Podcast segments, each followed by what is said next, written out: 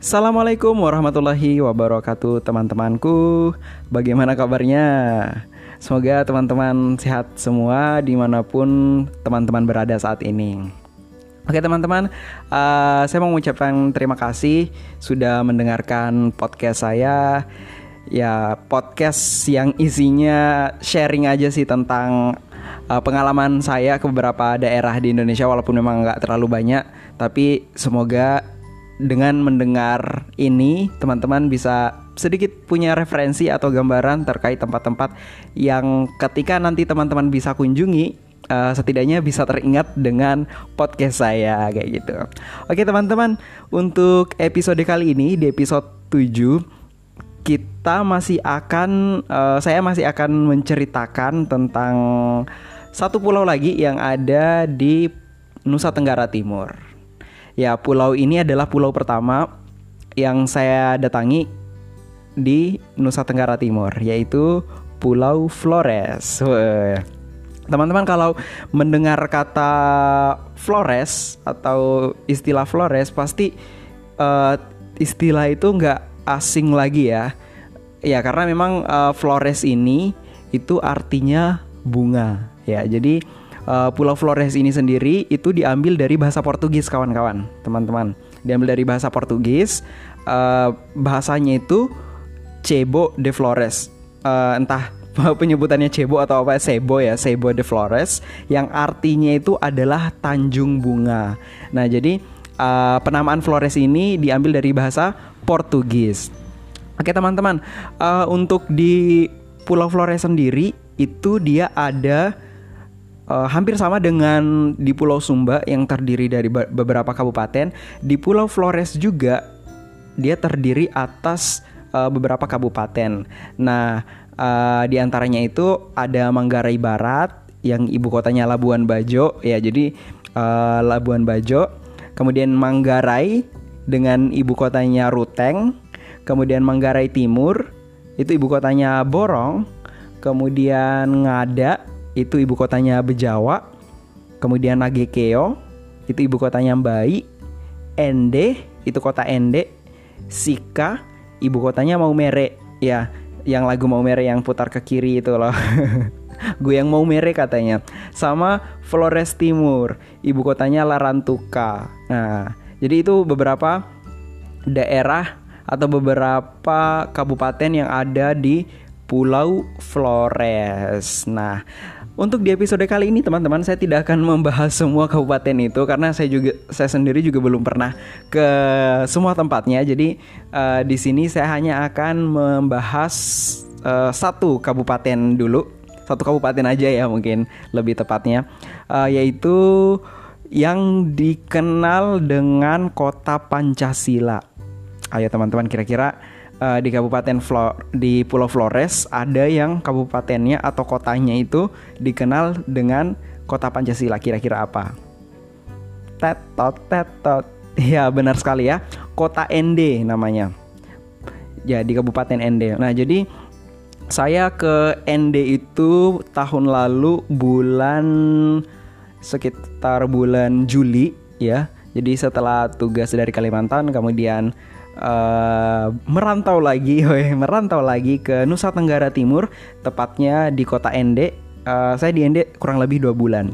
Nah, teman-teman selama dua bulan itu uh, saya mengunjungi beberapa tempat wisata yang wajib banget untuk teman-teman datangi, we, ketika sedang berada di Kabupaten Ende atau di kota uh, ya di kota Ende dan sekitarnya.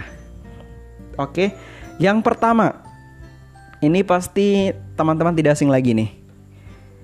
Yang pertama itu adalah tempat yang paling fenomenal di dunia, woi, ya. Uh, yang pertama itu adalah Danau Kelimutu, ya Gunung Kelimutu lah ya, yang ada danau tiga warnanya. Nah, uh, jadi teman-teman kalau misalnya teman-teman ke kota Ende atau ke Flores itu wajib banget untuk ke Kelimutu ini. Nah, jadi Kelimutu ini dia merupakan gunung berapi ya masih aktif gunung berapi. Dan dia letaknya itu di Desa Pemo, Kecamatan Kelimutu, Kabupaten Ende. E, jaraknya dari kota waktu itu kami motoran. Ya saya sama teman saya motoran. Itu sekitar satu jam setengah ya. Satu jam setengah jalur darat dan uh, aksesnya itu sudah sangat mudah ya. Jadi bahkan bisa sampai ke parkiran ya parkiran dekat puncaknya itu uh, sudah bisa diakses dengan motor dan jalanannya pun itu sudah sangat mulus, sangat bagus ya. Uh, jadi teman-teman bisa ke sana naik motor. Uh, kemudian setelah nyampe di parkiran, nah teman-teman tinggal bisa berjalan uh, sekitar kurang lebih 30 menit ya jalan kaki dan juga uh, nggak mendaki-mendaki banget ya. Uh, aksesnya juga sudah sangat mudah. Uh, seperti itu. Jadi untuk akses sendiri ke Danau Kelimutu ini dari kota sudah cukup mudah dan arahnya pun cuma satu jalur jadi memang teman-teman nggak perlu bingung ya ini belok-belokannya mana kayak gitu uh, dan sudah ada informasi papan informasinya bahkan teman-teman bisa googling uh, di Gmaps ya bisa dia bisa menunjukkan arah dan di beberapa tempat pun itu masih ada sinyal ya. Padahal di gunung ya. Tempatnya masih masih sangat mudah untuk diakses di danau uh, Gunung Kelimutu ini. Nah hal hal-hal yang teman-teman akan temui ketika berada di Gunung Kelimutu adalah yang pertama udara dingin. Itu dingin banget beneran sumpah dingin banget. Uh, untungnya saat itu saya pakai jaket Uh, dan kalau teman-teman motoran sangat disarankan untuk datang siang ya, sekitar siang. Jadi siang itu matahari uh, ya matahari itu sedang di atas gitu ya. Uh, dan memang belum ketutup awan. Soalnya kalau pagi sama sore itu dia biasanya uh, kabut ya. Kayak gitu. Jadi di waktu terbaik untuk melihat danaunya ya biar tidak tertutup awan uh, pada saat situasi cerah ya yaitu pada saat siang. Dan memang pada saat siang itu suhu di gunungnya nggak tidak terlalu ekstrim dibandingkan teman-teman datang pagi. Dan memang uh, kalau motoran uh, mending datangnya siang sih karena kalau pagi itu terlalu dingin kalau untuk teman-teman yang tidak tahan dengan dingin ya. Uh, beberapa teman-teman saya juga kadang mereka pergi ke sana menggunakan mobil. Uh, terutama bagi mereka yang memburu sunrise ya. Jadi kalau di sana juga di Danau Kelimutu juga itu sangat bagus untuk memburu sunrise. Nah, kalau teman-teman ingin memburu sunrise uh, biar dapat view sunrise-nya uh, apa matahari nyembur dari uh, dari apa namanya dari gunungnya itu bisa teman-teman berangkatnya dari kota itu sekitar jam 3 subuhan kayak gitu. Jam 3 4 subuhan biar uh, perjalanannya apa namanya biar bisa dapat sunrise-nya ya kayak gitu. Itu kemudian di sana juga uh, teman-teman di Danau Kelimutu juga teman-teman bisa menemukan penjual-penjual kain. Nah biasanya uh, mereka juga ada yang menyewakan jasa untuk menyewa kain untuk foto-foto di pada saat di danau Kelimutunya gitu. Dan di sana ada danau tiga, karena di gunung itu uh, apa namanya dikenal juga dengan danau tiga warna. Jadi ada tiga kawah yang dia sudah berisi air dan pada saat saya ke sana itu warnanya sangat hijau toska. Jadi ada dua itu berdampingan. Satunya itu bisa kita lihat danaunya ketika kita ada di puncak ya. Jadi ada yang danaunya bisa dilihat uh, dua danau itu bisa dilihat uh, apa namanya ketika kita da, sampai di pintu masuk yang pertama ya. Tapi yang satunya itu kita bisa lihat ketika kita berada di Tugu. Jadi di di Danau Kelimut itu juga ada ada tugunya dan kita bisa uh, apa namanya melihat ketiga danaunya ketiga danaunya itu ketika kita berada di tugunya seperti itu. Jadi uh, dan view pemandangannya itu sangat sangat bagus banget. Uh, jadi teman-teman kalau ke Flores kemudian ke Ende ke Danau Kelimutu ini jangan dilewatkan. Jadi kan ini salah satu prioritas teman-teman semua. Seperti itu. Nah dahulunya tuh uh, pada saat dahulu dahulu kala uh, dia dikenal dengan danau tiga warna karena dia memiliki tiga warna yaitu ada warna merah, kemudian warna biru dan warna putih kayak gitu. Walaupun kayak gitu dia warnanya akan berubah-ubah. Tapi uh, apa sempat juga bi uh, berbicara apa namanya diskusi sama teman katanya beberapa tahun terakhir ini memang warnanya uh, Tosca aja gitu. Jadi sudah sangat jarang mereka melihat ada warna merah. Ya, jadi teman-teman bisa mengurangi juga ekspektasinya untuk bisa melihat warna merah atau warna warna ya seperti yang dahulu-dahulu ya. Karena yang bisa dilihat sekarang ini yang warna biru toska sama hitam kayak gitu. Yang waktu itu saya lihat uh, biru toska eh hijau toska sama warna hitam seperti itu. Dan teman-teman uh, nama Kelimutu ini juga sebenarnya diambil dari bahasa uh, diambil dari bahasa setempat ya. Yang mana terdiri dari dua kata yaitu Kelly. Kelly itu yang berarti gunung dan mutu itu artinya adalah mendidih ya. Kelly itu gunung dan mutu adalah mendidih. Seperti itu. Nah, kemudian uh, tempat yang selanjutnya adalah kalau tadi itu dia Danau Kelimutu itu jauh dari kota, maka yang ini ada di uh, dalam kota ya. Seperti yang kita ketahui bahwa ND itu adalah kota Pancasila, otomatis pasti ada berkaitan uh, dengan sejarah terbentuknya Pancasila ya. Ya, uh, jadi di ND ini ada salah satu rumah pengasingan Bung Karno ya presiden pertama kita. Jadi uh, ada museumnya. Jadi selain di Bengkulu, teman-teman ada juga yang di ND ini seperti itu dan dia uh, letaknya ada di kota dekat lapangan Pancasila. Jadi itu satu satu satu apa namanya? satu komplek kayaknya ya, satu komplek. Jadi ada lapangan Pancasila, kemudian lapangan uh, apa? Museum Tenun Ikat dan Museum uh, pengasingan Bung Karno ini seperti itu. Dan selanjutnya adalah uh, masih dekat dengan dengan apa namanya dengan uh, rumah pengasingan Bung Karno ini yaitu di Pantai Ria. Ya jadi uh, biasanya biasanya teman-teman uh, yang senang nongkrong ya menunggu sunset ya menunggu sunset itu biasanya Pantai Ria menjadi salah satu spot terbaik ya spot terbaik untuk menghabiskan waktu sore teman-teman. Jadi Uh, dan di sini juga karena sudah uh, semacam kayak kafe-kafe gitu, uh, apa tempat-tempat makan gitu, jadi sudah disediakan uh, berbagai jenis makanan. Nanti teman-teman bisa tinggal pesan aja.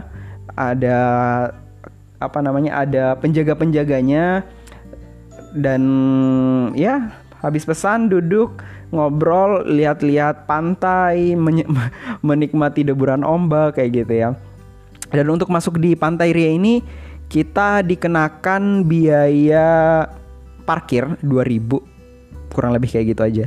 Jadi cuman biaya parkir sama uh, paling ya biaya makanan ya. Karena kita pesan makan kayak gitu. Nah uh, itu tempat ketiga.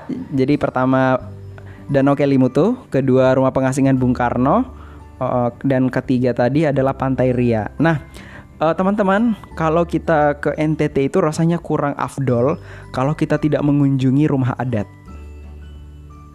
Ya, seperti yang kita ketahui teman-teman bahwa di NTT ini uh, bisa dibilang salah satu provinsi yang banyak jenis rumah adatnya ya. Se sepengalaman saya ya, sepengalaman dan sepengetahuan saya itu banyak banget jenis rumah adatnya. Bahkan hampir setiap kabupaten itu ada bentuk rumah adat masing-masing kayak gitu. Nah begitupun di ND uh, di ND itu ada yang pertama itu adalah rumah adat Wologai ya. Jadi kampung rumah adat ini dia berada di ketinggian 1045 meter di atas permukaan laut ya. Dan ini usianya sudah sekitar 800 tahun ya usianya sudah sekitar 800 tahun. Kemudian jaraknya dari kota itu dia satu jalur dengan arah ketika teman-teman akan ke Danau Kelimutu. Ya, jadi dia satu jalur. Uh, kurang lebih 37 kilo dari dari pusat kota. Jadi teman-teman kalau dari kota itu akan nyampe uh, Wologai dulu baru nanti ke danau danau Kelimutu. Jadi dalam satu jalur itu teman-teman bisa kedua tempat itu ya. Jadi ada uh, Kelimutu sama Wologai seperti itu. Dan di rumah adat Wologai ini uh, jadi di bagian depan sebelah kanan pintu masuk kampung itu ada pohon beringin yang dulu dia kini uh, itu ditanam oleh leluhur mereka kayak gitu. Dan saat salah satu hal yang unik dari kampung ini uh, bangunannya itu dia berbentuk kerucut. Kemudian rumah-rumah dibangun melingkar dan ada tiga tingkatan di mana setiap tingkatnya itu disusun uh, bebatuan ceper gitu di atas tanah yang dikelilingi dibangun rumah-rumah kayak gitu. Jadi uh, ketika teman-teman nyampe di sana itu akan ada waktu itu saya di, langsung disambut oleh salah satu penghuni dari kampung itu kemudian beliau yang mengantarkan saya uh, untuk keliling ke kampung. Jadi uh, kampungnya juga nggak terlalu luas sih nggak terlalu luas. Jadi bisa bisa dilihat sekali sep, apa namanya sekejap mata gitu ya. Uh, kemudian dijelaskan diceritakan sama ibunya terkait apa aja yang ada di kampung Wologei ini kayak gitu. Dan dulu itu uh, kampung ini juga pernah terbakar dan ketika akan dibangun lagi itu harus ada upacara-upacaranya. Nah, uh, penting juga teman-teman. Jadi uh, ketika kita ke kampung adat itu jangan sampai kita bersikap seenak kita ya. Uh, ada juga aturan-aturan yang tidak diperbolehkan pada saat kita berada di kampung adat. Misalnya pada saat saya berkunjung itu uh, sedang ada persiapan untuk upacara. Jadi kita itu tidak boleh uh, tidak diizinkan untuk naik ke atas puncak. Jadi uh, apa namanya di tengah-tengah rumah adat. Jadi uh, rumah adatnya itu mengeliling ya. Terus di tengah-tengahnya itu ada batu-batu yang di yang disusun. Uh, dan biasanya itu sangat luas jadi bisa kita naiki dan bisa juga kita tapaki tapi karena di situ ada persiapan untuk acara ritual maka itu dilarang. Bahkan untuk naik ke tingkat satunya aja itu kita nggak diperbolehkan. Ya jadi uh, ketika teman-teman ke kampung adat usahakan bertemu dengan orang orang penjaganya dulu atau orang asli situ. Ya kayak kita bertamu kayak gitu lah walaupun kita nggak ke rumah mereka uh, tapi apa namanya kita berada di lingkungan sekitar mereka. Otomatis kita juga harus uh, apa namanya menghormati apa pun yang ada eh, ritual-ritual apa pun yang mereka uh, apa namanya pantangan-pantangan apa pun yang tidak boleh kita lakukan di situ. Seperti itu teman-teman. Nah, selain dan uh, rumah di rumah adat Wologe ini waktu itu juga banyak uh, apa penduduknya banyak yang be, be, apa membuat kopi jadi kopi itu di dijemur. Ya, kopi khas sana gitu. Dan saya juga sempat minum dan itu jadi pertama kali saya minum kopi setelah eh, tujuh tahun gak minum kopi. Karena saya waktu itu ditawarin dan gak enak juga kan untuk menolak otomatis uh, saya meminum kopi dan alhamdulillah nggak nggak kenapa kenapa ya. Karena terakhir minum kopi itu sakit kepala jadi makanya nggak nggak pernah minum kopi lagi. Dan uh, pertama kalinya lagi ketika saya di Wologe itu. Dan kopi kopinya yang sangat enak teman-teman. Jadi di sana juga ada uh, pengrajin-pengrajin apa namanya seperti patung atau uh, per, perhiasan kemudian ada penjual kain. Nah teman-teman juga bisa beli bahan-bahan uh, atau kreasi dari mereka sebagai bentuk dukungan kita terhadap mereka untuk menjaga kelestarian kampung itu. Dan pada saat itu juga kalau tidak salah uh, saya sempat ngobrol sama salah satu petugas eh kok petugas sih masyarakat di situ. Beliau kalau nggak salah namanya Pak Agus. Uh, dia pernah dia pemimpin salah satu desa kemudian dia menceritakan uh, bahwa kampungnya ini sering kampung Wologe ini sering didatangi tetapi uh, apa namanya uh, ada kesulitan terutama di bahasa ya karena masyarakat di situ tuh nggak nggak nggak bisa berbahasa Inggris kayak gitu. Uh, jadi mereka untuk menjelaskan pantangan-pantangan yang tidak boleh dilakukan oleh wisatawan itu sangat sulit kayak gitu. Uh, ya walaupun memang sebenarnya sudah ada pada saat mereka jalan itu juga ada tour guide-nya, uh, tour guide warga lokal, tapi kebanyakan juga mereka uh, solo traveler gitu. Dan nah bahayanya itu di solo traveler itu uh, mereka nggak tahu nggak paham terkait dengan pantangan apa saja yang ada di kampung itu dan mereka nggak nggak nggak bisa apa namanya ya karena nggak tahu itu akhirnya ya mereka bablas aja kayak gitu nah jadi itu salah satu kendala juga yang ada di kampung-kampung adat ketika ada wisatawan yang ingin berkunjung. Karena dari masyarakat sendiri nggak bisa me memberikan instruksi maksudnya untuk melarang atau se sebatas memberikan peringatan bahwa uh, kita nggak nggak boleh naik di sini. Masih ada pantangan karena akan ada ritual kayak gitu. Itu sih teman-teman yang sempat diceritakan oleh salah satu masyarakat uh, penduduk di daerah Wologai itu. Nah selanjutnya adalah uh, rumah adat Wolotopo Nah, berbeda dengan rumah adat Wologai ini yang dia ada di uh, daerah Lingkar Kelimutu. Kalau rumah adat Wolotopo ini dia berada di uh, desa Wolotopo, kecamatan Dona ya. Jadi dia ada di kecamatan Dona. Uh, nanti teman-teman bisa googling aja Dona itu di mana. Karena dia tempatnya beda jalur dengan arah ke Kelimutu maupun arah kota. Karena dia kabupatennya uh, letaknya berbeda kayak gitu. Nah, waktu ke sana itu tempatnya sangat mudah diakses juga ya, sangat mudah diakses. Uh, tapi dibanding dengan rumah adat Woloto, uh, Wologai, kalau Wologai itu rumah adatnya masih banyak. Tapi kalau Wolotopo ini dia uh, hanya satu dua gitu uh, rumah adat yang besar. Selebihnya itu udah uh, apa rumah-rumah seng, rumah-rumah modern gitu. Dan uh, memang jaraknya cukup dekat sih sekitar 12 kilo kilometer aja uh, dari kota. Seperti itu rumah adat Wolotopo. Dan yang selanjutnya adalah uh, tempat yang teman-teman wajib kunjungi adalah Pantai Batu Biru. Nah, Pantai Batu Biru ini ya seperti namanya biasanya kan kalau pasi uh, kalau pantai itu didominasi oleh pasir ya. Didominasi oleh pasir putih atau pasir hitam. Nah kalau di ND itu pasir hitam. Tapi untuk di pantai Batu Biru ini dia didominasi oleh batu-batu kerikil yang warnanya itu juga biru. Sebenarnya warna-warni sih. Eh, teman-teman ketika ke sana akan menemukan eh, batu-batu kerikil yang warna-warni, tetapi memang didominasi oleh warna biru. Makanya kenapa dia disebut sebagai pantai batu biru.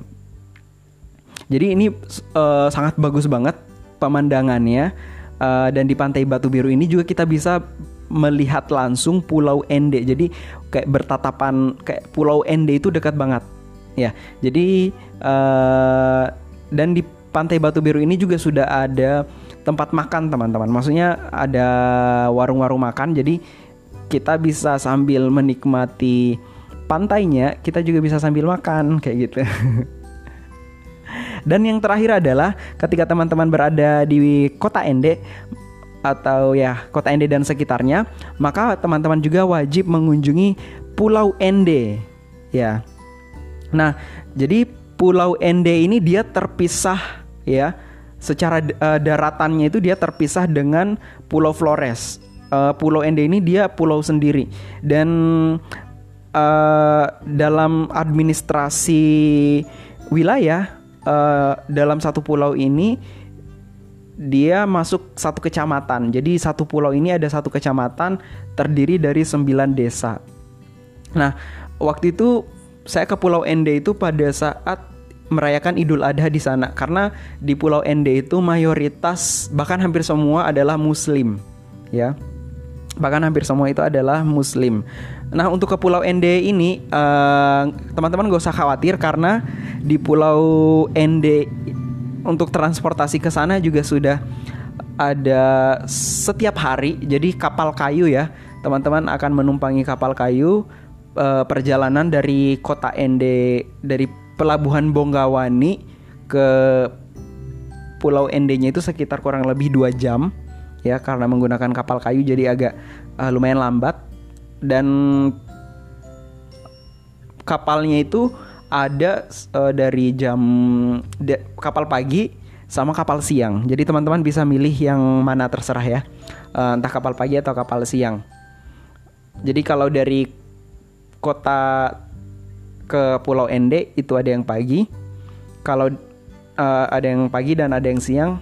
Kalau dari kota Ende eh dari Pulau Ende itu dia pagi sekitar jam sekitar subuh jam 5 setelah subuh uh, jam 5 subuh. Jadi teman-teman bisa ke Pulau Ende dan memang disarankan untuk menginap ya. Karena nggak ada uh, kapal yang pulang apa namanya? pulang balik satu hari nggak ada. Jadi dia langsung langsung sehari ke pulau ya dia nggak akan kembali nanti besoknya lagi baru kembali. Makanya teman-teman kecuali misalnya teman-teman mencarter kapal ya baru itu bisa. Tapi kalau ikut kapal umum uh, itu nggak bisa. Dan di Pulau Ende ini, jadi satu pulau itu uh, ya cukup bag ba bagus banget pemandangannya ya, uh, kayak kayak bisa melihat dan tenang banget di Pulau Ende di Pulau Ende ini. Uh, untuk bentuk topografinya sih hampir sama ya dengan dengan pulau uh, dengan kota Ende ataupun di sekitarnya kayak gitu uh, dengan pemandangan alam yang gersang pada saat itu karena lagi musim kering ya. Tapi bagus sih masyarakat di sana ramah-ramah. Uh, dan di sana juga sangat bagus untuk melihat sunset. Di Pulau Ende itu bagus banget melihat sunset dan karena cukup dekat ya. Rasanya itu matahari itu dekat banget. uh, matahari terbenamnya ya. Uh, jadi kayak sunsetnya bulatan mataharinya besar banget karena mungkin lebih dekat kayaknya ya lebih ya kayak gitulah. Nah, jadi itu teman-teman uh, beberapa tempat yang bisa uh, dijadikan rekomendasi yang saya jadikan yang saya rekomendasikan untuk teman-teman kunjungi pada saat teman-teman ada di Pulau Flores khususnya di Kabupaten ND dan sekitarnya. Oke teman-teman kita uh, jumpa lagi ya, jumpa lagi di episode selanjutnya. Uh, saya akan bagikan lagi pulau apa saja yang uh, di NTT tapi di NTT udah selesai ya udah selesai. Jadi ini Flores ini menjadi penutup untuk di NTT kita akan ke provinsi yang lainnya.